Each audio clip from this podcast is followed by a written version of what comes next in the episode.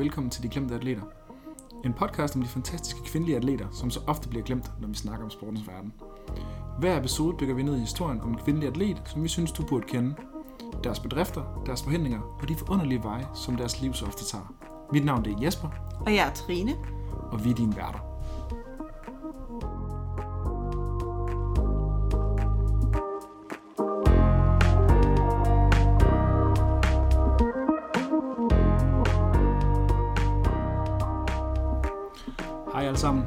Velkommen tilbage til endnu et afsnit af De Glemte Atleter.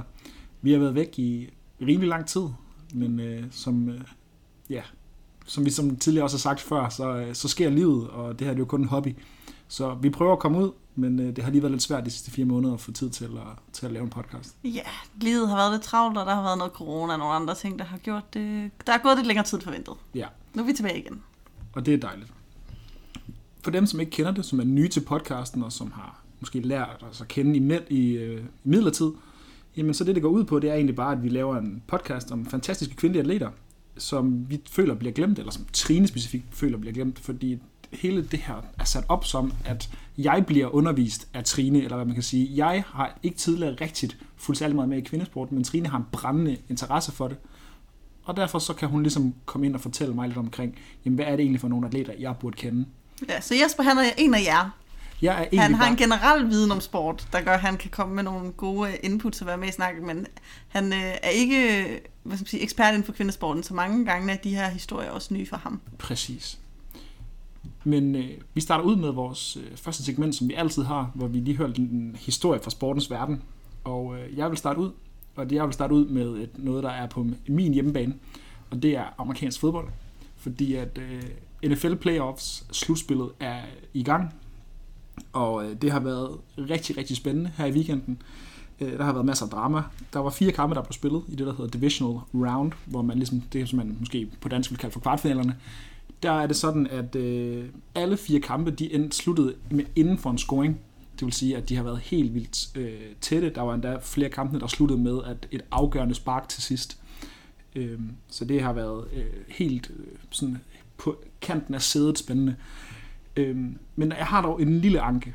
Og det er faktisk ikke bare måske en lille anke, det er en kæmpe Det er en anke. stor anke. Det er en kæmpe anke.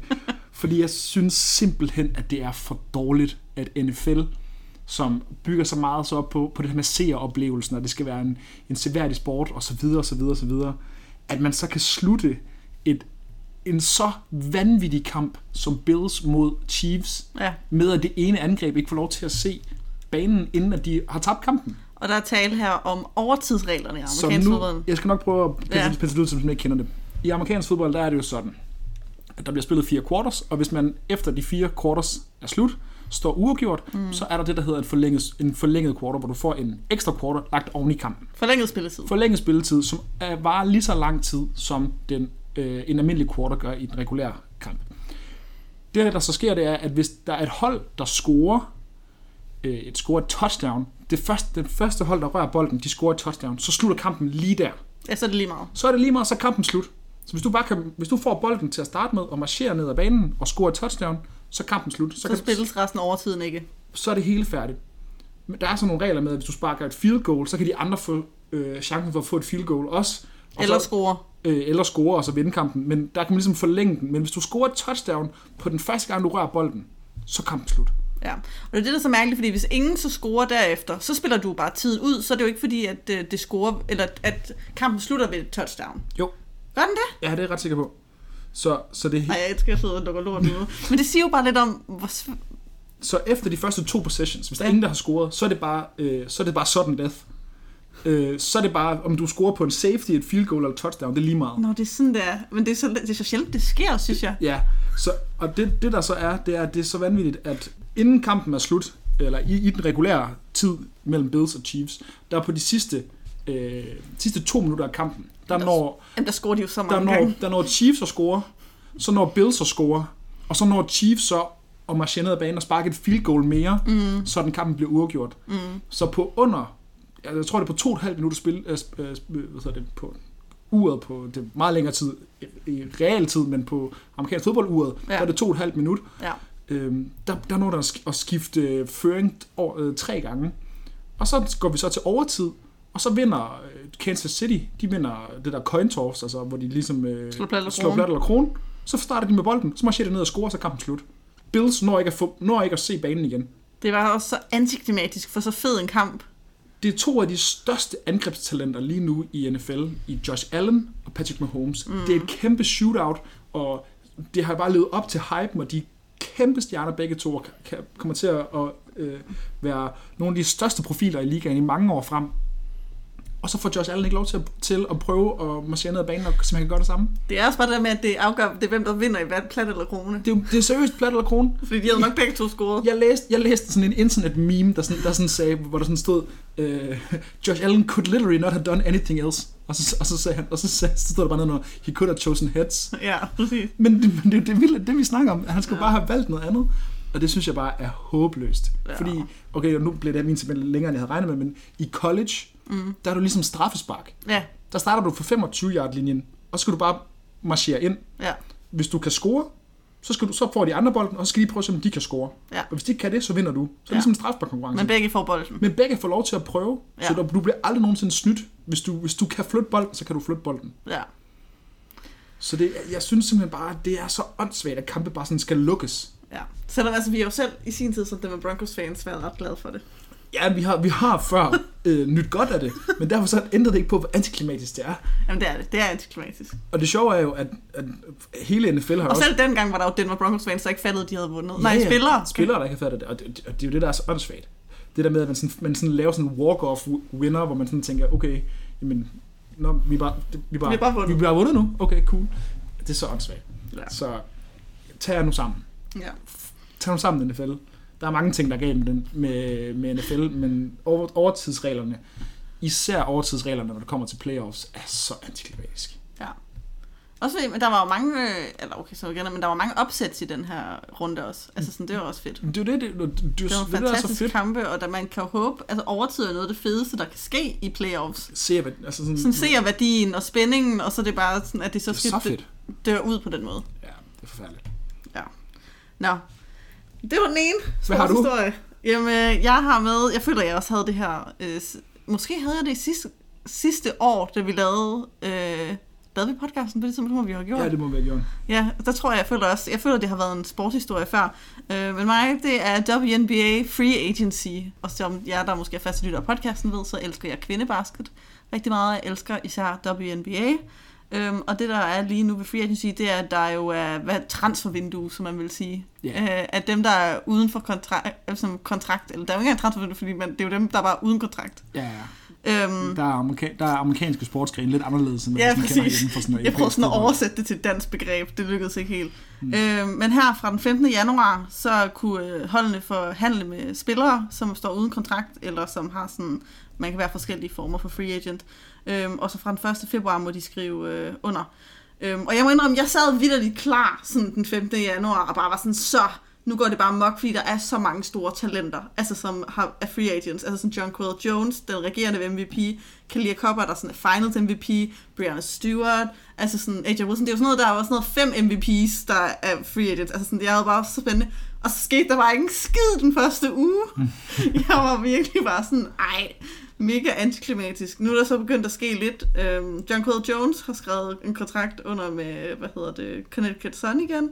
Mega spændende. Så hun har resignet med Så samme hun er, klub. hun er resignet med samme klub. Kalia Copper er blevet called af Seattle, det vil sige, det er ligesom NFL, hvor man kan have en franchise player. Mm-hmm. Så sådan, sætter du ligesom et helle på dem, og så kan de ikke komme andre steder i et år. Men Sky har rimelig mange spillere, som sådan er op til, hvad hedder det, renegotiation, ikke sådan det er? Hvad Jo jo, I har sådan noget tre spillere under kontrakt ud af 12. Jamen, det er det, så, det er det, så resten, de skal, I skal beholde folk, eller finde øh, nye folk. Ja. Og det er jo det samme for mit hold, Seattle Storm. Det er sådan noget, vi har fire spillere under kontrakt. Vi er dem med det mest cap space. Øhm, og jeg har i den her tid for mine lyttere under stor stress. Fordi at mine tre, øh, hvad sige, de tre store spillere på Seattle Storm er alle tre free agents. Så Ja. Brianna Stewart, øh, Sue Bird og, øh, hvad hedder det, Jewel Lloyd. Jewel Lloyd har vi så kå- kåret, så hun burde blive i Seattle. Kunne, du, kunne du forestille dig, at Sue Bird, hun tog et andet sted hen og spillede Nej, sin sidste sæson? det tænker jeg heller ikke, hun gør. Det håber Det jeg ikke. Hun har annonceret, at hun kommer tilbage. Det Jeg kunne, være, det kunne være for sindssygt, at hun annoncerer, at hun kommer tilbage til basket, men ikke til Seattle. så tager til New York eller sådan noget. Nej, det ved jeg ikke. Øhm, men det, der så stresser mig ud for tiden, det er, at Brianna Stewart, øh, vores sådan, stå, altså sådan, hun er reelt den bedste basketballspil- kvindelige basketballspiller i verden, øh, er der så kommet ud nu her. Hun, at vi har jo taget det strategiske i at kåre Jewel Lloyd, for vi tænkte, hun var mest sandsynlig at forlade os, fordi vi tr- tænker, vi havde Stewie under lock. Men så er der så rygter om, at alle de andre hold, de prøver at få hende væk nu. Hun har haft et, et møde med New York Liberty, der prøver at overtale hende. Og jeg er bare sammensmeltning. Det er sådan noget, jeg fik notifikationen på min telefon midt under en middag, og så kunne jeg nærmest ikke øh, fokusere. Mistede, mistede lige min appetit. Præcis. øh, men så det er bare mega spænding, og jeg, jeg elsker det, fordi at øh, sæsonen starter til den 6. maj, så der er lang tid endnu, så det her er det, der holder mig kørende. Øh, men det er min øh, sportshistorie. Jeg synes, I skal følge med, dem der er. Det er en god måde at blive interesseret i Hvis man- man... WNBH. Der er masser af gode overskrifter og alle mulige fede moves og ting og sager. Ja, og en gang imellem har jeg også tænkt mig at skrive noget inden for fullcourt.dk, hvis man vil følge med derinde om WNBA. Jeg har skrevet en lille hvad skal man sige, overblik inden free agency i gang, og jeg tænker også, at jeg kommer til at skrive en opsamling, hvis man gerne vil have headlines over, hvad der er sket. Ja, så følg med der. Helt sikkert. Eller på Twitter. Eller på Twitter.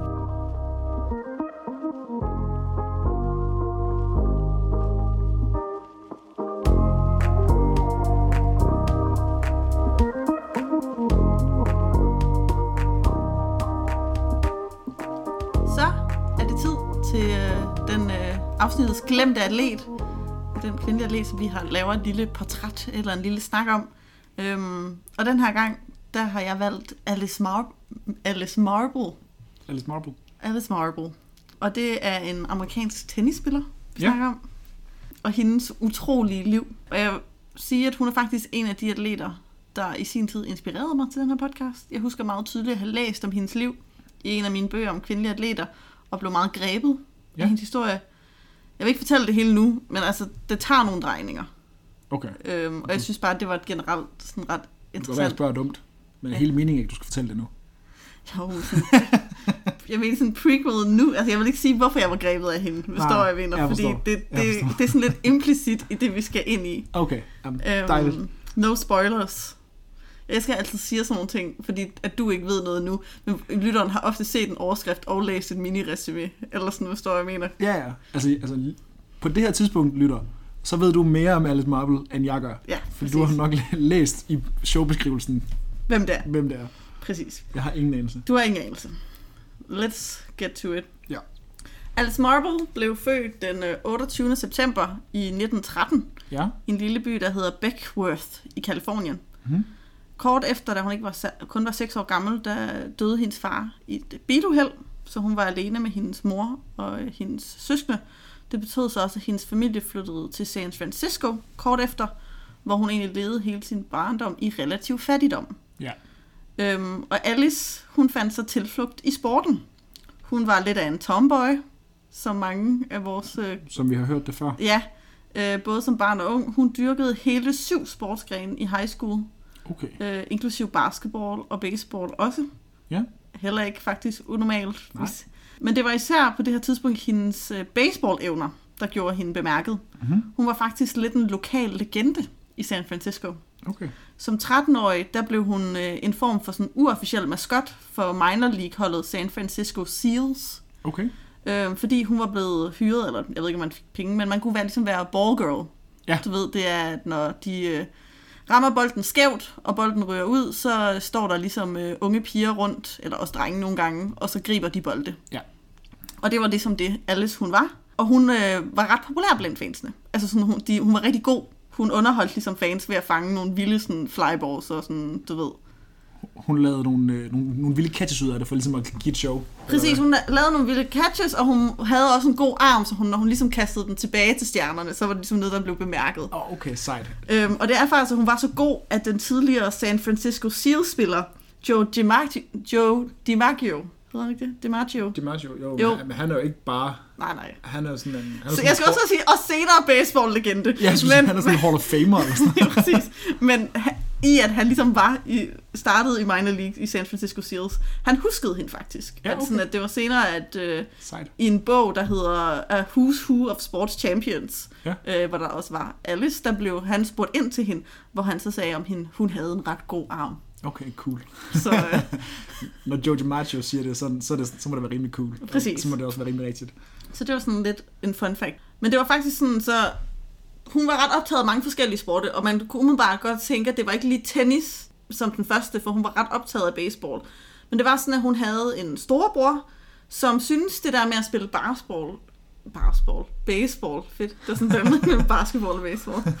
øh, det der med at spille baseball, at det var ikke særligt øh, passende for piger.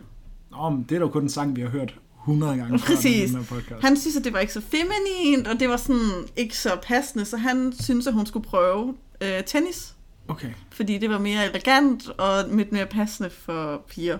okay. Øh, så det prøvede han ligesom at overtale hende om til, da hun var blevet 15 år. Men det nu vil sige, undskyld, jeg hedder afbryde, men, men altså, det er jo stadigvæk en ting i USA, det her med, at i hvert fald på den high school, som jeg var på, da jeg boede i USA, Mm. der, der kunne pigerne ikke spille baseball. Nej, Det, var, det blev ikke udbudt til piger. Det, det var softball i stedet for, som jo er en afart, hvad hedder det, baseball, hvor man så kaster underhånd i stedet for at kaste overhånd. Og bolden er noget større, og banen er en lille smule mindre, og, og sådan nogle ting. Øh, så, så altså, det lever Jamen, det er hun kunne, hun kunne jo ikke, eller som, sådan som strukturen er i USA, også nu fortsat i dag, ja. så Ja. kan du som kvinde... ikke spille baseball, i hvert fald når du kommer længere op. Så, Nej, i hvert fald ikke i sådan etableret, øh, for eksempel i skoler og sådan noget, så skulle Nej. det være en recreational league, altså fritid, Præcis. hvor du skal finde baseball i sådan... Præcis. Alle i high schools og colleges, så er det softball, hvor kvinder bliver puttet ind. Præcis. Ja. Præcis. Det er rigtigt.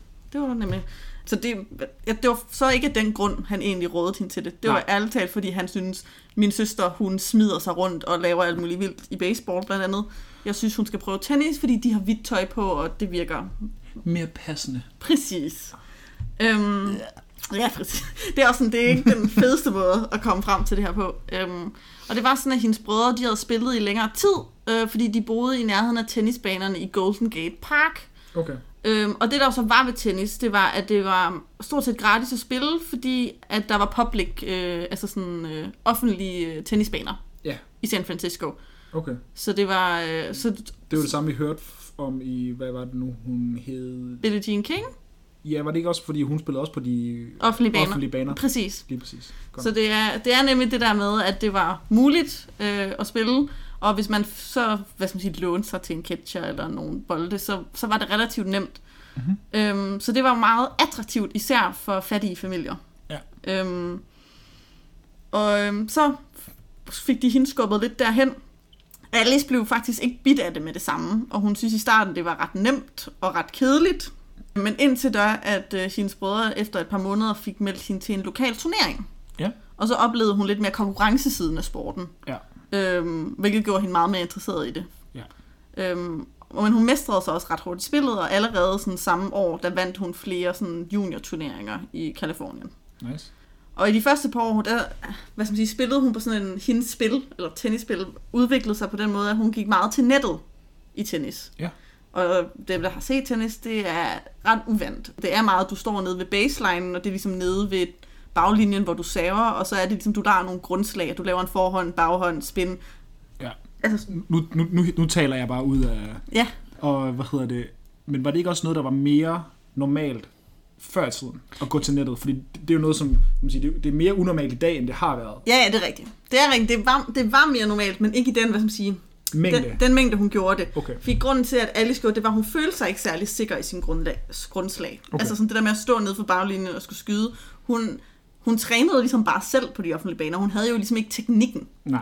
Så var det nemlig ligesom bare at rushe. Altså sådan ligesom lave en, en sav eller en returnering, og så bare Så- løbe mod nettet. Og så bruge sådan atleticisme til ligesom at prøve at lave nogle spil ved nettet. Præcis. Okay. Øhm, og det var ligesom sådan en vane, som hun opbyggede af usikkerhed, men det gjorde så faktisk, at det blev en del, altså selv efter hun blev bedre og fik mere teknik, var det stadigvæk en etableret del af hendes spil. Mm-hmm. Øhm, og det var også noget, der gav hende et ry for at være en af sportens sådan, mest aggressive kvindelige spillere. Ja. Fordi hun ligesom havde så offensiv en stil, der ligesom prøvede at afslutte point. Jamen det er nemlig også, det er jo, det er jo meget alt eller intet. Ja, jamen det er det der. Så, ta- så taber du. Altså sådan, det, fordi det er meget i tennis, sådan en, som man vil sige, som Karoline Wozniacki, som vi jo kender, at hende vil man sige var en defensiv øh, tennisspiller, i og med, at hun står ligesom nede ved baglinjen, og kan nærmest få alle bolde, altså hun fik alle bolde tilbage i spil nærmest. Men hendes spillestil ventede jo så på, at den anden modstander ofte lavede en fejl. Ja. Det var sjældent, at hun ligesom havde så god en forhånd eller en baghånd, at hun afsluttede pointet. Ja. altså det skete også, men meget af hendes spil var bygget op på, at den anden ligesom skulle lave en fejl. Ja. Hvorimod Alice Marble ligesom var den, der gik mod nettet og ja, enten brændte, lavede fejlen, eller ligesom afsluttede pointet. Ja, lige præcis. Øhm, men hendes tenniskarriere, den fortsætter så her på de offentlige baner mm-hmm. Mhm. i San Francisco. Øhm, hun spillede rigtig længe med en lånt tenniscatcher, da hendes familie ikke havde råd til at købe en. Og der var også, det krævede tålmodighed at være investeret i det her, fordi det der jo også er, når det er offentlige baner, det er, at der er jo ikke noget system i, hvad skal jeg sige, hvem der bruger dem hvornår.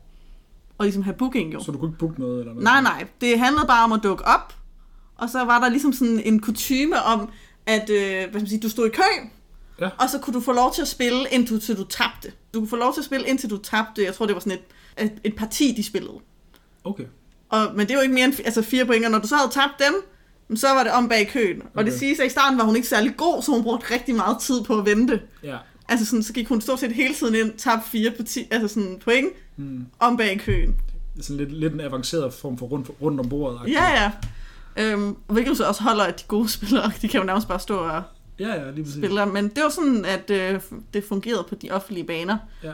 Øhm, men det var så også i den her periode, at øh, der var, hun fik en træner faktisk. Mm-hmm. Efter noget tid, så blev hun opdaget øh, af en kvindelig træner, der hedder Eleanor Tennant, øh, som i sin tid også var en, hvad skal man sige, eller ikke tennisstjerne, men hun var, havde ligesom selv også været spiller og havde været øh, et talent.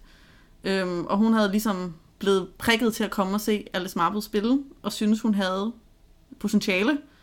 Øhm, og det var faktisk Eleanor Tennant, de, hun endte med at være hendes træner resten af hendes spilletid. Altså så simpelthen fra, at hun var de der Så- sådan 17-18 år, til øh, resten af hendes øh, professionelle, eller hendes tenniskarriere. Ja. Så begynder hun ligesom at spille, eller det jeg også siger, det er, at, som vi også må, jeg må understrege igen her, det er, at tennis på det her tidspunkt er jo en amatørsport. Hmm. Så det er, når jeg siger, at hun spiller turneringer, så er det det der med, at øh, hun, øh, altså, man kan jo ikke leve af det. Det er det der med, at der var amatørsport, og der var professionel sport. Lige så snart du tjente penge på at tjene sport, eller på, hvad skal man sige, dyrkenssport, så var du udelukket. Ja. Så hun begyndte ligesom at spille de her turneringer, og boede ligesom hjemme ved Eleanor, var også meget afhængig af, altså hun fik sådan room and board, altså sådan at hun ligesom kunne spise og bo ved hende, og lavede så alt muligt andet ved siden af. Hun var hendes sekretær, altså sådan, hun lavede alle mulige øh, ting ved siden af, for ligesom at holde kørende, at hun kunne sådan leve af at være tennisspiller. Ja, okay. Øhm, men hun begyndte ligesom at leve af det her lige så langsomt. Øhm, og igen, der blev skrevet nogle øh, profiler og kamprapporter om hende i den her tid, men meget af det, som der går igen, det er, at øh, hun spillede som en mand. Ja. Hvilket også er meget en ting, der bliver sagt. Øhm, når nogen har en god, eller en aggressiv, eller sådan spillestil. Det er, sådan noget, det, er, det er sådan noget, som man tilegner. Sådan den der maskulinitet. maskulinitet, aggressivitet og offensivitet og alt det der i, i ens spil. Det eller hvis bliver, man er stærk, eller hvis man er god. ja, det bliver bare det bliver tillagt, tillagt øh, sådan maskuline træk. Ja. Så selvfølgelig gør hun det, fordi Så- det er jo sådan er verden. Jamen, sådan er verden, og det var, så, det var også det der med, at hun havde sådan en servant volley stil, øh, Mm. og det er jo der, hvor du ligesom Ja. så og så prøver at afslutte øh, pointet ret hurtigt, og hun havde en ret kraftig udstråling, sagde man, øh, som var overvældende, og som også gjorde, at øh, ja, Var det fordi hun var stærkt bygget? Nej, nej, faktisk, fordi jeg skulle nemt til at sige noget af det, øh, som skiller hende ud fra nogle af dem, som vi har snakket om tidligere, Ja. det var, at der blev stadig fokuseret en del på hendes udseende. Mm. Øh, men det, der var med Alice Marble, det var, at hun faktisk var ret feminin og var blond. Okay. Øh, så hun blev kaldt en blond sexbombe. Oh, ja. Der er en, der, så, der var et citat her. Hendes ben er som to søjler af poleret maho- mahogany. Bare til, bare til knæene. Hendes figur er perfekt. Og så et andet her. Det er jo værre. Det er jo værre. Det er det også. Jeg skulle sige, det er jo ikke godt. Jeg skulle sige, modsat de andre. Nej, nej. Det var ikke, fordi det var en god ting, jeg skulle til at sige, Jesper. det, var, Det var another kind of sexism. Jamen, du, du, du, du fik mig lige til sådan at tænke, yes, menneskeheden, vi kan noget. Så, selv tilbage dengang, så var der nogen, der gør, og så var sådan lidt, nej, selvfølgelig ikke. Hun var bare en passende form for feminin. Why do I even bother? Nej, øh, et andet var, Miss Marple ser dejlig ud, selv når hun lige er kommet fra banen. Det er de færreste piger, der kan gøre det. På selve banen ser man, hvor smukt bygget hun er. Hun, altså sådan, Hvor er det dårligt. Så vi griner af det nu, men det er fordi, det er så absurd. Ja. Øh, Lad os lige slå det fast. Det er ikke sjovt. nej, det er ikke sjovt. Det er nemlig det, det, men nogle gange så er det den eneste måde, vi kan håndtere det i den her podcast på. Det er, at vi bliver nødt til at grine over af Og- nogle af de her ting. Fordi det er så dumt og så dårligt, Ja. at man burde jo sidde og blive rasende, men når det er, er 18. afsnit, og det er samme gamle smør, så bliver man nødt til bare sådan at tænke, "Jamen, jeg, jeg må le for, at cope. Ja, og det er jo det der med, fordi igen, det, hvis du har lyttet til nogle af vores andre afsnit, så går det meget igen. Nærmest som det har været i Italien, vi har været i, om det har været Brasilien, vi har været i USA, Danmark. Altså, det er det samme. Ja. Øhm, at enten så er de mænd, eller uden for normen, eller bliver udskammet eller kaldt grimme, fordi at de ligesom ikke ligner det, en, øh, man sige, den hvide eocentriske idé om, hvad en kvinde skulle være. Øh, og hvis de gør, så bliver de bare sådan hyperseksualiseret og overhovedet ikke tæ- nærmest tænkt på som andet. Øh, så der er ligesom ikke nogen vinder. Nej. Øh, fordi det er der med, at trods hendes tomboy-tendenser, og at hun egentlig afviger fra kønsnormerne i, at hun fx også valgte at spille i shorts frem for nederdele, øh, så var hun så feminin, at hun ligesom ikke blev udstødt eller udskammet for sådan det, altså sådan at være sportsudøver, at være god og være dominerende. Øh, fordi det opvejede det på en eller anden måde. Så, trods sådan, så det er lidt modsat nogle af vores tidligere hovedpersoner. Ja. Så, så, så selvom hun kunne finde ud af at i hvert fald kunne, var god til at prøve at gå en eller anden middelvej med øh, ved det, så var- blev hun stadigvæk seksualiseret. Ja, Og ja. alle de ting, så det er jo, ja. Det gjorde hun. Men, altså, men hun blev så bare ikke udskammet, hvad skal man sige. Det som win på nogen måde, loss på nogen anden måde. Jeg skulle at sige, der er ikke nogen vinder. Sorry. øhm, ja. Ja. Øhm, Kanon. ja. Så når vi til øh, 1931. Hun var fra 13, Ja, så hun må så være, min matematikevner er 28. Nej, 18. jeg skulle til Jeg er, jeg er matematiklærer. Jeg tager den lige igen. Hun er 18 år gammel. præcis. Jeg, skulle, jeg synes, jeg kunne bare sidde og grine og tænke, den lader jeg dig sidde og hænge med den der. Ja, virkelig skønt. Kanon. Da hun er, da hun er 18 i 1931, der spiller hun sin første Grand Slam, og det gør hun til øh, US Open. Selvfølgelig, fordi det er på amerikansk jord. Hun når dog ikke længere en første runde. Så hun rører hurtigt ud. Og på det her tidspunkt øh, rejser hun ikke ud for ligesom at spille. Altså hun spiller ikke i andre Grand Slams. Det er Mm. ligesom bare den, der er på øh, amerikansk jord. Er det de samme fire Grand Slams, som der altid har været, som Ja. var på det tidspunkt? Det var det samme. Det er de samme, der altid har været. Cool.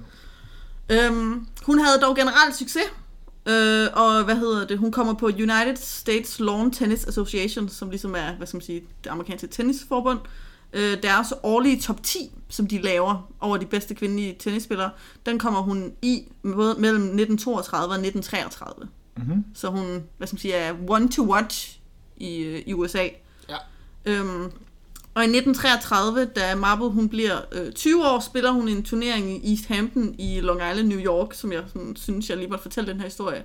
Det var lidt vildt. Øh, på grund af regnforsinkelser, som der jo er i tennis, at du kan ikke rigtig spille, når det regner, så plejer man jo at udskyde, altså sådan, så udskyder man kampe. Men der har simpelthen været så meget regn og så mange udskydelser, at sidst så besluttede arrangørerne at prøve at indhente tiden ved, at man afholdt semifinalerne og finalerne i single og double på samme dag. Øhm, og Marble, Alice Marble havde kvalificeret sig til begge dele. Mm-hmm. Så det endte med, at hun spillede 108 partier i løbet af den ene dag.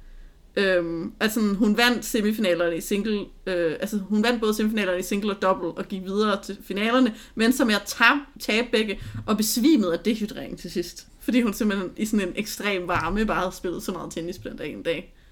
Hun har skulle spille fire tenniskampe på en dag Det, det, er, det virker ikke sådan helt på, godt. profe- altså sådan på det højeste niveau. Ja. Ja. Så det var sådan, altså sådan, også bare lige for sådan at sige noget om, øh, hvad skal man sige, omstændighederne på tidspunktet. Det var meget sådan, grib din chance, og det var ikke altid med spillernes bedste velbefindende Nej. øh, i centrum. Nej. Øh, men det var meget den der med, at hvis hun ikke gjorde det, så var altså sådan, Så var hun bare, så var hun bare tabt. ja præcis, Automatisk. det er det, og så blev man lidt glemt, altså sådan, man, man hoppede ligesom lidt rundt og gennem ringen for at være med til så meget som muligt. Så når vi til 1934, øh, hvor Alice Marble, hun havde, øh, er blevet 21, har haft en periode, hvor hun har haft det lidt skidt. Øh, men hun stiller stadig op til øh, French Open, faktisk. Ja. Det er første gang, øh, hun rejser ud for at være med. Øh, men under hendes anden kampe, øh, eller hendes anden runde kamp i turneringen, der kollapser hun på det røde ler i, øh, i Paris. Og det ender så faktisk med, at hun bliver diagnosticeret med tuberkulose. Nå. Ja, på den her tid, hvilket var ret alvorligt. Ja. Øh, og bliver sendt på sådan et øh, sanatorium, som, som jo var sådan et, hvad skal man sige, ikke et kurophold, men det var det jo lidt. Det var sådan et, et sted, hvor folk ligesom bare skulle sådan lounge, for det var lidt det, man gjorde med tuberkulose, få frisk luft og få det bedre. Mm. Og der var hun i 8 måneder, Shit. øh, ligesom i sin øh, unge alder, måtte øh, stoppe, bræt stoppe sin tenniskarriere, og var ligesom bare på det sanatorium. Marble bliver dog meget utålmodig og frustreret i løbet af det her, og bliver bare ved med at, sådan at tænke på, at hun ligesom skal tilbage til tennis. Mm. Øh, og hun bliver til sidst så tålmodig, at hun øh, forlader stedet imod hendes lægers anbefalinger, faktisk. Åh, oh, Ja, sygt. ikke så godt. Nej. Men det gør hun. Øh, og hun er utrolig svag. Hun får sin, øh, hvad noget, sin coach, Tenet, hun flytter hjem til hende igen for hende til at ligesom, hente hende. Okay. Og siger sådan, og hun er utrolig svag, men er bare sådan, det, jeg skal ikke være der, der. Jeg kommer ikke tættere på at spille tennis ved at blive der. Og sammen med sin træner, så begynder de ligesom at arbejde langsomt på at få hendes styrke tilbage. Og det er bare sådan noget som at kravle og gå og sådan mærkelige ting. Og Sygt. for at ligesom prøve at få hendes kræfter igen og udvide hendes lungers kapacitet. Ja. Og jeg vil gerne sige alle de her ting, fordi vi har også nogle gange sagt med nogle af de vilde ting, Lise Harder har lavet med hendes prolykker. Mm. Vi anbefaler intet af det her. Altså sådan, der er nogle gange de her historier, hvor det, de har gjort nogle sindssyge ting, hvor det er sådan mod lægers ordre. Hvis du skulle hen og få tuberkulose, så følg, hvad din læge siger. ja, præcis. Please. Det vil jeg gerne sige. Fordi det der så er, det er, at det lykkes hende jo øh, at genoptræne sig selv på den her Ja. vanvittige måde. For da Marble så føler, hun er klar nok. Øh, Jeg har sådan en Rocky montage inde i min, Ja, inde i præcis. hoved, som, som, som, som, det, som det, det er mit interne billede. Det er også faktisk det, i hvert fald den beskrivelse, jeg har af, det, af hende, der laver sådan nogle ting. Okay. Øh, også noget hjemme noget. Altså det er sådan noget at skubbe et dæk op af en lille bakke. Hug brænde Ja, og i så, sneen. la- okay. Men sådan lave få ting, indtil hun ligesom kunne komme på tennisbanen. Ja. Øhm, og begynde at træne der. Ja. Og da Marble så føler sig klar igen, så prøver hun ligesom at gå tilbage til øh, USLTA, USLTA, igen den amerikanske tennisfederation, og sige, at nu vil hun gerne hvad skal sige, være med til turneringerne igen. Altså sådan, hun skal ligesom optage sig nogle af de der turneringer, fordi nu har hun jo ikke længere ranking til bare at være med. Og til at starte med, det siger de faktisk nej. Da de sådan, øh, vi har ikke lyst til, at du skal kollapse på vores tennisbaner. Nej, Så vi, øh, vi har faktisk ikke lyst til, at du skal være med. Altså det vil også være et dårligt look. Men, ja. men altså, hun er en voksen kvinde, det må hun Ja. sådan. Ja. Men til at starte med siger de nej, fordi de simpelthen er bekymret for, at hun vil kollapse igen. Og det hun så gør for at overtale dem, det er, at hun, øh, hun får over sådan en official fra federationen til at tage til en af hendes træningssessioner. Og så træner hun simpelthen foran dem i et par timer. Og ja. er sådan, se, jeg kan godt, Jeg har det godt. jeg har det godt. Ja. Og så ender de så med at sige, god for det. Okay. Og som 23-årig, der stiller hun op til, 19, øh, til US Open i 1936. Og der gør hun øh, et, spekt- et spektakulært comeback og vinder sin første Grand Slam. Direkte tilbage fra tuberkulose. Direkte tilbage fra tuberkulose, vinder sin første Grand Slam. Nemlig boss. Det er Remy Bors. Og så går vi, kommer hun ligesom også ind i en stime af succes. Det er ligesom her, hun har sit sportslige peak. Okay. Øh, fordi hun genvinder den igen i 1938. Ja. Og i 1939, der vinder hun både Wimbledon og US Open. Det er hendes bedste år, 1939. Mm. Der vinder hun øh, tre Grand, Grand Slams til begge turneringer. Det vil sige, hun vinder singlen, doublen og mixed doublen til begge. Ja, Det er ret vildt. det er ret godt. Ja. Hun bliver den første kvinde til at vinde alle tre til både Wimbledon og US Open. Okay. Solidt. Det, ja, ja. Det, det, ja. det er da put it mildly. Ja. Sygt. Og så vinder hun så øh, US Open igen i 1940. Det bliver dog den sidste turnering, der bliver spillet inden 2. verdenskrig. Og det, der faktisk sætter hende stopper for hendes karriere. Okay. Fordi at Grand Slamsene bliver ikke afholdt igen før 1946.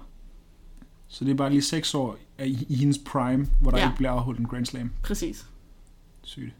Så det er faktisk det, der sådan, øh, hvad skal man sige, sætter sig op. Det er en krig. Krigen. Krigen, ja ja.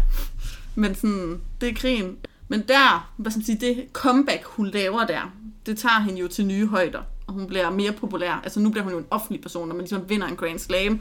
Og man også gør det på ryggen af en tuberkulose. Altså sådan, det er jo en god historie. Det må man sige. Det er lidt Alice Hartle jo. Det er jo fantastisk at høre om. Ja. Det er sådan, hun, hun modtager 500 fanbreve om dagen. Og jeg elsker det her, ikke? Og hvad folk skriver til, ikke? Det synes jeg er det sjoveste, hvad man har skrevet om det gang. Der står alt fra sundhedstips, kærlighedstips og mænd, der friede til hende. Men jeg elsker sådan ideen om at skrive til hende for at være sådan, min kæreste er en idiot. Hvad skal jeg gøre ved Det er jo det? et regulært brevkasse. Jeg ved ikke rigtig, om hun svarede på noget af det. Jeg synes bare, det var en sjov detalje. Bare være sådan, Fandme også bare, altså folk, mænd, der, der shooter deres shot, vil bare sådan sende et brev, sådan, gifter med mig. gifter med mig. Mm, det er et forsøg værd. Ja, eller, eller er det? Eller er det? Og så er der, ja. Og så, øh, hvad hedder det, og det er jo så kombinationen af hendes succes på banen og stil uden for banen, som så gør hende utrolig efterspurgt. Og så åbner rigtig mange døre for hende i den her periode, øh, i løbet fra 1936 og ligesom frem. Fordi nu fortæller jeg noget af det, som hun lidt laver ved siden af, som egentlig er virkelig interessant også. Blandt andet var hun fast gæst, eller sådan i radioprogrammer. Hun var både gæst, vært og endda også sanger i radioen. Hun kunne synge. Hun kunne synge. Hun havde så god en stemme, at hun faktisk blev bedt om at synge på flere af de fornemme natklubber i New York og London. Sygt. Så det gjorde hun også ved siden af. Jeg har så dårlig en stemme, jeg er blevet bedt om at lade være med at synge. Ja. Og Alice havde også så gode skriveevner. På trods af, at hun egentlig havde droppet, altså hun havde ikke nogen videregående uddannelse, fordi hun ligesom havde fokuseret på tennis. Mm. Men hun havde så gode skriveevner, at hun også blev bedt om at skrive for aviser og magasiner. Og ved du, hun så også var? Hun var en del af den originale redaktion, der lavede Wonder Woman-tegneserien, der udkom for første gang i 1942. Åh, oh, sygt. Ja, hun øh, var også en af de valgte ligesom nogle ambassadører, som sådan skulle lave, hvad skal man sige, der embodied øh, Wonder Woman, der var hun en af dem. Og det tog hun ligesom på sig til at starte med ligesom bare at reklamere for det, men så kom hun også til at være en del af redaktionen. Og øh, hun kom på konceptet Wonder Wo- Women of History, som var et indlæg på 1-5 sider, som var i hvert magasin, som fortalte historien om sådan kvinder, der satte deres præg på historien, som sådan læseren burde vide. Nå, sindssygt. Så sådan lidt eller vores podcast på sin vis. Men så var der sådan, du ved, så var der sådan noget, jeg kan ikke engang komme på, hvad man skulle sige, sådan Joan of Arc for eksempel. Ja, Så ville der ligesom være fem sider, en tegneserie version af hendes historie. okay. Øhm, og det var ligesom Alice Marble, der var kommet på konceptet, som også skrev de fem sider.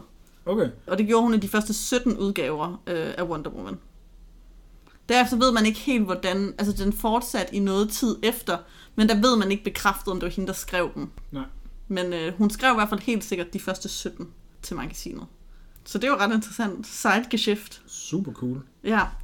Øhm, så lavede hun også et klassisk foredrag, som man jo kan gøre. Det er om hendes vilje til at vinde og rejse rundt i landet for at holde den. Ja. Så havde hun også et øh, øje for mode og fashion, som vi har sagt, så var folk jo, hun var lidt sæk, eller sådan, hun havde sex appeal, eller var sådan, hun var slank og blond, så folk var sådan, hun er fantastisk. øh, og det førte også til en sidekarriere som designer sådan, af, du ved, sportstøj Apparel. apparel samt tøj til hverdagsbrug. Så hun havde ligesom alle mulige øh, ting, hun ligesom lavede i den her periode. Det må man da sige. Men altså, det er jo så ved siden af, men det skal jo ikke tage fra, at hun dominerede altså tennis mellem 1936 og 1940. Og især amerikansk tennis. Der var hun toprangeret amerikanske spiller i den periode. Og hun var i verdens top 10 de fire år. Og i 1939 nåede hun så ligesom at blive den nummer et rangerede spiller i verden. Ja. Med hendes seks Grand Slams. Det er også sådan forholdsvis fint. Ja, og hun var også, øh, Marble nåede, var også årets, øh, hvad hedder det, Associate Presses atlet, årets atlet i 1939 og 1940. Mhm. Og som jeg så nævnte tidligere, så var det jo ligesom 2. verdenskrig, der satte en stopper for hendes amatørkarriere, fordi de fleste turneringer blev aflyst. Yes. Og det var ikke kun kvindesiden, der blev aflyst. Nej, nej, det, Det var, var- det det var, det ligesom det hele. Ja. Så det med, at hun lavede lidt noget andet. Jeg synes, en anden ting, jeg også glemte her at nævne, som hun synes var interessant, det var, at hun brød endnu en barriere. Også der i 1940, der lavede hun, blev hun ansat af New York radiostationen WNEW, eller VNew, som øh, amerikansk fodboldreporter. Åh, oh, sejt. Hvor hun så gav, øh, hun lavede sådan, øh, ikke så længe, men i et par måneder lavede hun øh, to 15-minutters udsendelser hver uge, Mm-hmm. hvor hun så ligesom lavede den klassiske, hvor hun valgte vinderen af de kommende kampe. Ja. Og på sin første udsendelse, der vandt hun, valgte hun størstedelen, over halvdelen af dem rigtige. Mm-hmm. Så det, folk var ligesom imponeret om hendes viden om spillet, hvilket også var usædvanligt. Ikke nødvendigvis, at en kvinde havde, men at det ligesom blev vist, at en kvinde kunne have viden om amerikansk fodbold Mhm. mm-hmm. på det her tidspunkt. Ja. Så hun var ligesom sådan, lavet en masse vilde ting ved siden af. Ja. Og i 1941, da krigen ligesom gik i gang, og alle turneringen blev aflyst, så valgte hun så at gå professionel. Det vil sige, begynde at tjene penge på at spille tennis. Hun øh, underskrev sådan en kontrakt for at spille professionel tennis, det vil sige at lave opvisningsturneringer og rejse rundt for 25.000 dollars, øh, hvilket svarer til sådan 450.000 dollars i dag. Okay. Så det er jo sådan ret mange penge. Gode penge. Ja. Så det var ligesom sådan hendes tenniskarriere, og det, det gjorde hun ligesom i et stykke tid. Og øh, hun vandt ligesom i den tid, som hun måtte spille amatørtennis, 18 Grand Slams, 5 i singles, 6 i doubles og 7 i mixed doubles. Og hun var ligesom den største kvindelige tennisspiller, der var før 2. verdenskrig. På, sådan, på Wimbledon sådan, banerne eller på deres museum, der er der sådan en tekst om hende, hvor der står, Kvindetennis kan inddeles i to epoker. Før Alice Marble og efter. Hun skabte kvindespillet i dets aggressive, moderne stil. Øh, med meget den der serve volley, som der jo også er en generelt stor del tennis. Det er sejt. Det er sejt. Og en anden ting, som jeg synes, at vi som også burde fortælle sig om hende, det var, at Alice Marble bidrog i høj grad til desegregeringen af amerikansk tennis. Fedt. Og det er jo ligesom det, at øh, som vi jo tidligere har haft Mhm. et afsnit om, så var, at øh, sorte var udelukket fra USTLA, altså den amerikanske tennisfederation. De måtte ikke spille der, så de havde deres egen. Ja. Kunne ikke deltage i Grand Slamsene. Og det bidrog hun ligesom til hvad skal man sige, at kæmpe imod ved, at hun den 1. juli i 1950 skrev hun ligesom en, øh, en artikel eller et indlæg til for The American Lawn Tennis Magazine, hvor hun gav sin støtte til Althea Gibson, som var en sort kvindelig tennisspiller. Hun øh, var den første tennisstjerne, hvide tennisstjerne, til at snakke offentligt om desegregering, og den første til at tage afstand. Fra segregering. Ja, for, altså, sorry, ja, præcis. Præcis. Øh, det hun skrev lød sådan her, at hvis tennis er et spil for damer og herrer, er det også på tide, at vi opfører det os lidt mere som milde mennesker og mindre som ukrænkelige hyklere. Hvis Althea Gibson repræsenterer en udfordring for den nuværende gruppe af kvindelige spillere, er det kun rimeligt, at de skal møde den udfordring på banen. Nice. Og Marble sagde, at hvis Gibson ikke fik muligheden for at konkurrere, så er der en uudslættelig markering på et spil, som jeg har videt det meste af mit liv til, og jeg vil skamme mig bittert. Althea Gibson, som var 23 år på tidspunktet, endte samme år med at få adgang til de amerikanske mesterskaber, altså US Open, og blev den første sorte spiller, mand eller kvinde, til at konkurrere i en Grand Slam begivenhed. Så det var ligesom hende, der brød the color barrier i tennis. Ja, vi nævnte hende kort i vores afsnit om, øh, hvad er det. Washington, øh, Aura Washington. Aura Washington, det var det, ja, hun det var det, hun hed. Hun endte med at spille mod, og, sige, og hun var som sige, Aura Washington på tidslinjen. Er jo generationen inden. Ja, det var det, vi snakkede om, at da hun måtte, hvad skal man sige, hendes sportslige bedrifter var i de sorte egne organisationer, egne turneringer, fordi hun lige præcis ikke kunne deltage. Yes. Hvor Althea Gibson ligesom nåede at spille mod Aura Washington i nogle ting, men nåede ligesom at, hvad skal man sige, at brød så uh, the color barrier i tennis, og spillede så senere også mod det ved jeg. Præcis. Præcis. Der, hvor du lagde det billede op, hvor de stod til finalen, hvor, hvor Aura Washington ser rigtig gammel ud i forhold til meget, meget unge Althea Gibson. Ja. Øh, Det kan man gå ind og finde inde på vores Instagram. Det er vanvittigt, fordi Aura Washington, altså var jo også gammel, jeg kan ikke huske, var hun sådan noget i 50'erne på det tidspunkt, men hun ligner jo lige sådan en på 78. Altså hun ser ud som om hun ikke burde kunne stille professionel tennis. Ja, lige præcis. Ja. Det var meget sjovt. Quite a lady. Ja. Men det, øh, hvad skal man sige, øh, bidrog Alice Marble til, og Althea Gibson har også ligesom sagt, og takket hende offentligt og sagt, at Alice Marble var hendes held på grund af det, og har også sagt, at det ligesom direkte bidrog til, at hun fik mulighed for at øh, deltage Selvfølgelig gjorde det det. Men uh, Alice Marble, hun uh, slog sig så ned i Palm Desert i Kalifornien efter at undervist i tennis indtil sin død. En af hendes elever var Billie Jean King, den andet, som jo også hænger meget fint sammen med, Ja. Med tidslinjen, der ligesom går op. Mhm. Mm-hmm. Uh, men hun døde så den 13. december i 1990 i en alder af 77 år. Men vi er faktisk ikke, historien er ikke over her helt. Fordi noget af det her, som jeg synes er interessant, som jeg ikke helt vidste, hvor jeg skulle putte ind i den her tidslinje af hendes liv. Fordi hvis vi stopper her, så vil du også tænke, det var sikkert en rigtig god karriere, god historie, what a life, utroligt, what a woman. Og det er også derfor, at den her næste del er så speciel, og det er også derfor, at den er lidt trist. Fordi det, der sådan gjorde, som jeg første gang hørte om hendes liv, der var den her del af historien med. Men nu har jeg opdelt det i to forskellige ting. Fordi det er sådan, at efter hendes død, det, i 1990, der udkommer hendes anden selvbiografi, der hedder Courting Danger, Courting Danger, som hun ligesom har skrevet sammen med en ghostwriter. Og den fortæller om en efter sigende ret vild historie om hendes liv efter tennisen. Hun skriver i den her selvbiografi, at tilbage i 2. verdenskrig i 1940'erne, der havde hun giftet sig med en pilot ved navn Joe Crowley, som blev dræbt i aktion over Tyskland under krigen. Og at hun blandt andet også øh, kun nogle dage før hans død rapporterede deres barn i en bilulykke. Så det er sådan meget tragisk og voldsomt. Ja. Hun fortæller også, at hun så også efter den her store sorg prøver at forsøge at begå selvmord. Lykkes ikke og kommer sig så. Og at hun i 1945 så indvilliger i at spionere for den amerikanske efterretningstjeneste mod nazisterne. Fordi hun ønsker at øh, hvad skal man sige, få hævn over sin Hæ- mands hæv- død. Hævne sin mands død. Ja. Ja. Øh, hendes mission indebar at forny kontakten med en, der hedder en Hans, hendes tidligere elsker, en blomstrende svejsisk bankmand. Og hun skulle ligesom gennem ham, som samarbejdede med nazisterne, indhente økonomiske oplysninger om nazisterne for ham. Okay. Øh, og hun, skulle, hun modtog træning i selvforsvar, skydning og brug af sådan en miniatyrkamera. Så hun er sådan, altså regulær James Bond. James Bond. Sygt. Og så blev hun sendt til Europa for at spille sådan en række opvisningskampe, tenniskampe, for at ligesom skulle tiltrække hans opmærksomhed. Så det er ikke sådan hende, der opsøger ham. Nej. Det er hende, der ligesom bare sådan er i nærheden, og så venter på, at han kontakter hende. Ja. Og planen virker så. Han kontakter hende, og de begynder at ses igen og date. Og hun ligesom befinder sig der i Schweiz. Ja. Og ender så med at blive forelsket i ham, selvfølgelig igen. Ja. Og er meget sådan splittet om, hvorvidt hvad hun skal gøre. Om hun så ligesom skal Ja. fuldføre mission- missionen eller ej. Men beskriver det som, at hun, var, hun endte med ligesom, at hendes samvittighed gjorde, at hun blev nødt til at gøre det, der skulle gøres. Og det var ligesom kun hende, der kunne gøre det for sit land. Så hun måtte øh, ligesom opfylde den her pligt. Hvordan er det her ikke en eller anden øh, Hollywood-film med Margot Robbie eller Charlize Theron eller sådan et eller andet Ja. sindssygt?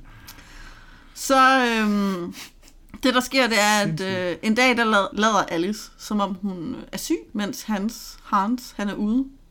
Og så går hun ligesom hen øh, i hans pengeskab, virker det op og fotograferer de her billeder. Og ligesom hun er færdig, kommer han så hjem. Og hun mistænker så dog, at han har efterladt nøglerne i sin bil, for det siger hun, det plejer han at gøre. Så hun venter ligesom, til han er gået ind i huset og leder efter hende. Han er gået ovenpå, så løber hun ud af hoveddøren og sætter sig ligesom ind i hans bil for at flygte. Øhm, og han er, hun er selvfølgelig bange for, at han følger efter. Og eller hun bliver stoppet af politiet, så hun øh, kører ligesom hen for at mødes med... Hun har sådan en kontaktperson Mm. i de allierede, som ligesom er blevet tildelt hende, og som har holdt øje med Hanses hus og hende. Og hun kører ligesom sted hen, hvor hun skal mødes med den person. Hvor hun så ligesom, og hun kommer derhen, men hendes stillelse, den vender sig ret hurtigt til frygt, da hun så opdager, at hendes kontakt er en dobbeltagent. Øh, og han kræver, at hun skal give billederne til ham, hvilket ikke var den aftalte plan.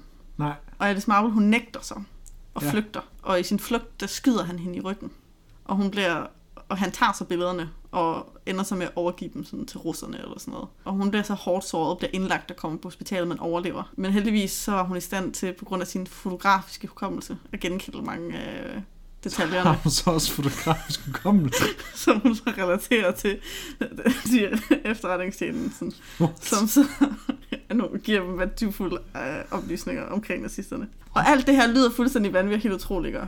Og det er jo så fordi, det så har desværre vist, at det er det også. Nå, okay, det, det er ikke rigtigt. Nej, fordi altså, dengang bogen udkom, så var der nogle få journalister, der ligesom skriver, okay, det her det lyder lidt vildt. Men hun er sådan, hun er lidt, hvad skal man sige, hun, hun er jo ikke en kæmpe stjerne. Det var noget andet, var hvis på det her tidspunkt, at sådan en eller anden, der virkelig var i spotlyset, skrev det i sin selvbiografi.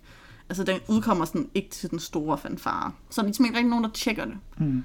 Og så med tiden, så er det ligesom bare blevet sådan en accepteret sandhed, der sådan er blevet gentrykt, du ved, på hendes Wikipedia.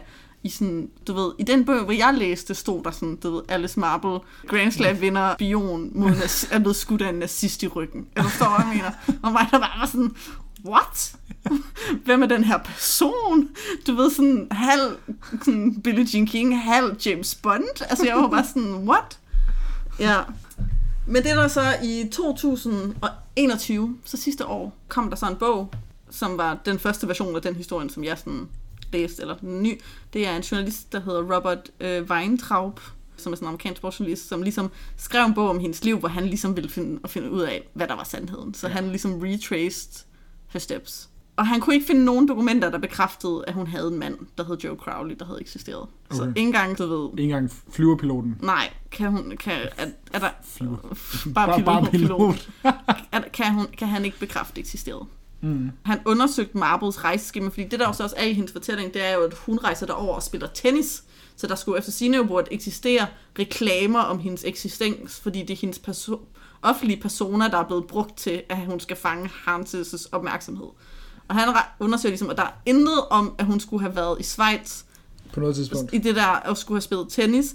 Han har gravet militær, og efter han kan jo ikke se alle dokumenter, men han har ikke kunne finde noget, der peger på, Var der en bankmand, der hed Hans? Præcis. Altså, han, det, han kan ikke finde noget, der peger på, at hun skulle have været en spion for de allierede. Nej. Så det er jo sådan lidt... What a wild ride. øhm, og jeg tror også, jeg føler... Hun kunne have næsten have haft mig, indtil hun sagde det der med... Med fotografisk hukommelse. det, det var, det, that's what gave it away. der begyndte du også at være sådan, det her, det kan ikke passe. Nej, lige præcis. Lige præcis. Lige indtil da, der havde du mig. Der tabte du mig, desværre. Der var du bare sådan, hun er fucking ikke hun. Men så altså, prøv at høre her. Tænk, hvis hun blev skyldig, og så stadigvæk bare kunne sidde og skrive det hele. Ej, det var også sådan... Alice for helvede, dine løgner. Det kunne du godt lige have holdt lidt Ej, det kunne godt have skrevet bedre. Det kunne du godt. Nej, nu griner jeg. Men i den her øh, biografi, der er der også nogle andre sådan hvide, eller hvide løgne, men nogle ikke så store løgne. Nej, Der er sådan noget for eksempel, at hun var med til Gone with the Wind premieren. det var hun ikke. Og det var hun ikke. Det er en mærkelig ting at lyve om. Det er med til at hun var faktisk venner med Cary Grant, og sådan havde sådan lidt ends i Hollywood. Så, det er sådan, så jeg ved ikke, om det var derfor, folk sådan kø, altså købte den i første omgang. Men ham og journalisten har ligesom bare, han har ligesom gået hele biografien igennem. Og der har han ligesom også været sådan, hendes rejseskema gjorde, at hun spillede turnering et eller andet sted. Altså du ved. Og han var også bare sådan, der ville have været aviser. Hun var jo et kendt navn på det tidspunkt. Så der ville ligesom, Det, det bliver stået et sted. hvis hun var til premieren, ja. og det var hun ikke.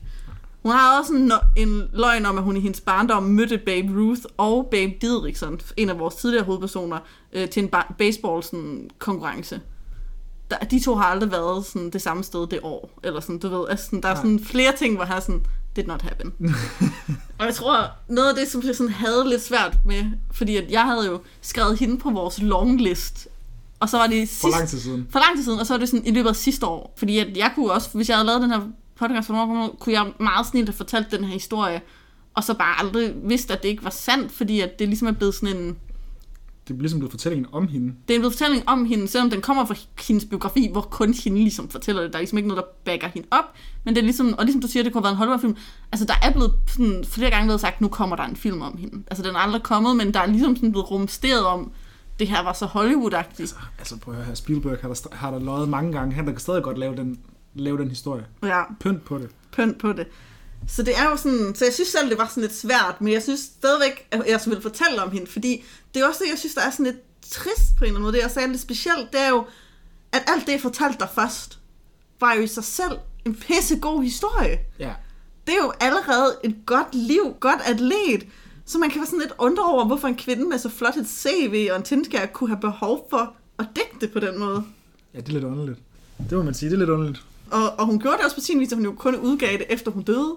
Så det var sådan et, fuck it, jeg har ikke var- til at, I kan spørge mig om noget. Det var et mic drop. Sådan, man ligesom siger, her, det er det mit fuldstændig vanvittige liv. Vi ses. Ja, Og så kan man så bagefter finde ud af, at det, det var det ikke. nej, Det er lidt mærkeligt. det er lidt mærkeligt. Fordi folk prøver sådan lidt at rette ind på hendes legacy nu, samtidig med, at hun er jo en atlet, som fortjener at blive snakket om. Mm. Og som har gjort mange fede ting på banen, men også uden for banen. Både ligesom, at hun definerede kvindetennisen, at hun Er hjælp til desegregering af tennisforbundene. Og Præcis, og også bare sådan at have været med til at være en del af Wonder Woman-redaktionen. Altså hun har lavet mange vilde ting, Mm. også uden for tennisbanen, så det er jo ikke, hun var bare ikke spion. det er det ærgerligt, jeg skal sige det som sådan en klandring. Men det er der virkelig mange af os, der ikke er. Så, så, Det er på en eller anden måde fair. Det er også det, der virker sådan lidt mærkeligt, at hun... For jeg, så, jeg så læste en artikel, hvor der var en, der var sådan, er det fordi hun følte, at hun skulle være for at blive husket? ja. Altså, forstår hvad jeg mener? Om det var sådan en eller anden, fordi hun ligesom, hun var allerede gået lidt i glemmebogen, da hun Ja. døde. Altså i løbet af de der 80'er og 90'er, hvor hun bare var træner. Hun kom ind i tennisens Hall of Fame i 1964. Det var hun i live til. Men sådan, det var ikke fordi, at hun ligesom... Du kender hende jo heller ikke. Hun er ikke sådan en kæmper, så jeg ved ikke, om det var sådan en mærkelig måde på at være sådan, nu udgiver jeg det her Men jeg Og så sige, så må I fandme huske mig, eller sådan et eller andet. Altså, jeg er også, jeg er også den forkerte, forkerte målestok. Altså, jeg kender vildt lidt Billie Jean King fra den, fra den æra. Ja, faktisk. okay, ikke dig, men jeg tænker også bare mange andre tennisfans. Men Ikke giver- ved, hvem hun er. mening. Det giver mening. Men jeg synes bare egentlig, hun er interessant på den der måde, fordi der er en eller anden ting mellem, hvad der...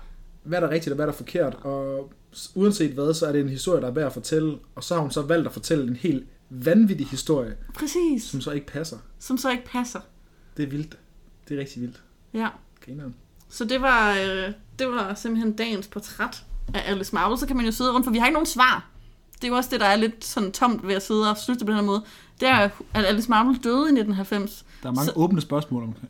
Ja, så, og hvad sige, hun havde ikke nogen børn. Hun, øh, ja, så der er, ikke, altså, der er ikke nogen, man kan spørge om, hvorfor. Nej. hun skulle have gjort det her, og, og hvad der ledte det til hende. Hun havde jo et barn Hvad?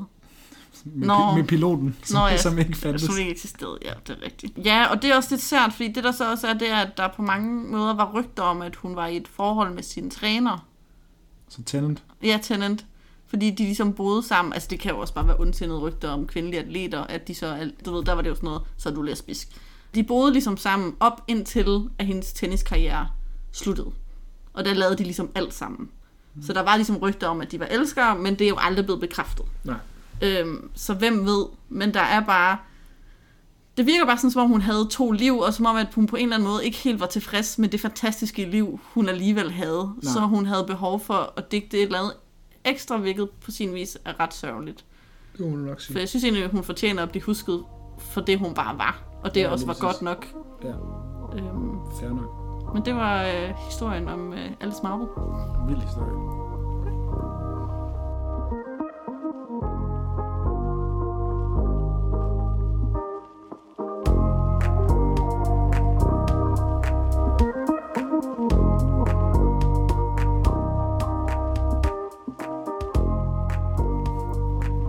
Tilbage for at høre om uh, mesterspionen Alice Miss- Marvel? Miss Marvel.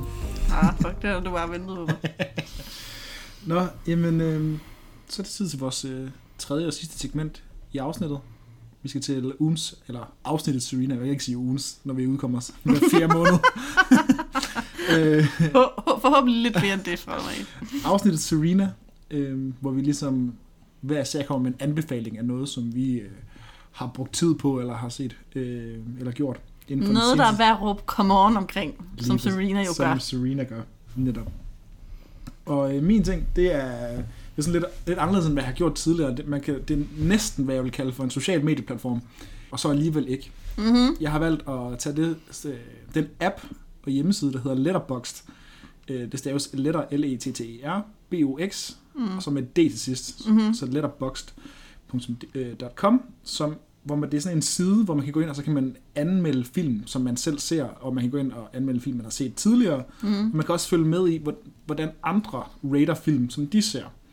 Og det synes jeg er vildt interessant, fordi at jeg elsker filmmediet, øh, og synes, at det er fedt at se film, og elsker fedt at fordybe mig i filmens univers, og hvordan instruktører og ting, de ser ting, som jeg måske har læst, eller har, har på en eller anden vis øh, ja, forestillet mig. Mm. Og så ligesom få deres take på det, det synes jeg er vildt spændende. Og så kan man jo så, øh, når du har set noget, Trine, så kan jeg gå ind og se, okay, hvad har hun synes om den her ting, og så, så kan man skrive en lille anmeldelse, samtidig med, at man så kan give mellem øh, en halv og fem stjerner til noget, som man har set. Det synes jeg er, er vildt fedt. Jeg synes, det er, det, det er nice og intuitivt lavet, og så synes jeg, at det er, det er smart, at man derinde, hvis man går ind på, en, på for eksempel en specifik film, som man gerne vil se, så for eksempel hvis nu man gerne vil se en af den nye film, øh, der hedder The Tragedy of Macbeth med Denzel Washington, så kan man gå ind og klikke- på den, Mm-hmm. og så kan man se ind på den, hvad for en streamingtjeneste, som den kan findes på.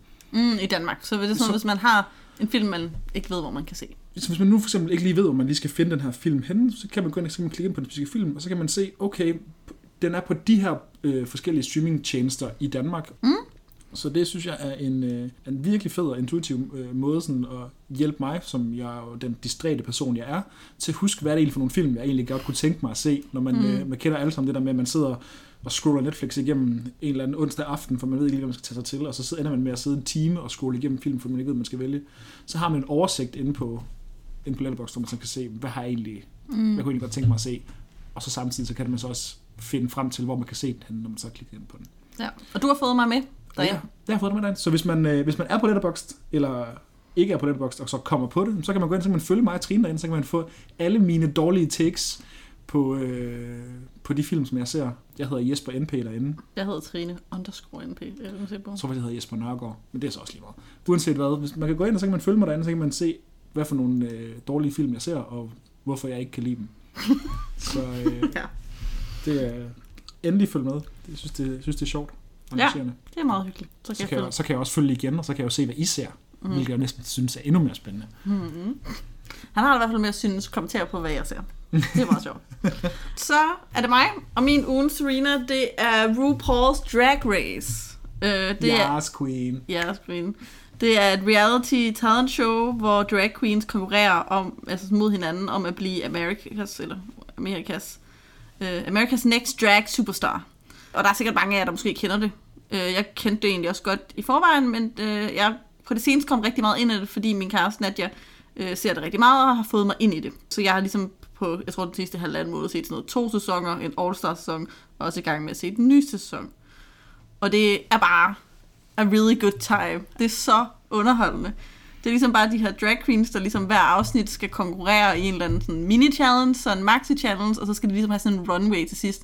Og så er det jo, at hvis du ligesom kommer i de nederste to, så skal du lip-sync for your life til en eller anden sådan pop diva ballade. Og det er bare, altså det er bare genialt tv.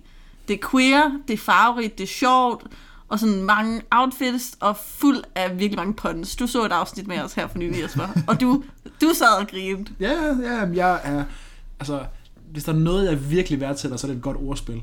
Og der er bare ordspil ud over det hele. Det er der. Det er skønt. Der er 13 sæsoner af det på Netflix lige nu, så der kan man se det blandt andet. Det er bare noget, der kommer rigtig glad. Det er da dejligt. Hvis der er noget... Altså, underholdning er til for at gøre os glade. Men øh, var det det, du havde? Det var det, jeg havde kort og godt. Fantastisk. Det har simpelthen været dejligt at være tilbage igen. Ja, vi håber, at I hører fra os igen. Ikke inden for fire måneder. inden for fire måneder. I må meget gerne øh, skrive til os på Instagram, eller lægge en anmeldelse i podcast-appen. Det er rigtig godt at, at høre fra jer, også nogle af jeres nye lyttere.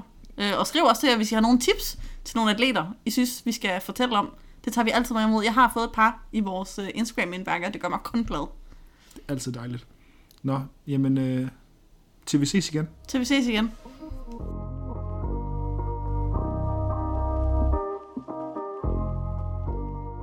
Fordi I lyttede med. Lige nu lytter du til vores kendingsmelodi af Laurits Frølund Mortensen. Øh, Du kan finde kilderne til afsnittets historie i afsnittets beskrivelse. Og hvis du kan lide, hvad du hørte, så abonner endelig og efterlad en anmeldelse i Apple Podcast. Du kan finde os på Instagram og Twitter under De Glemte Atleter, og vi hører meget gerne fra jer. Mit navn det er Jesper, Og jeg er Trine. og tak fordi I lyttede til De Glemte Atleter.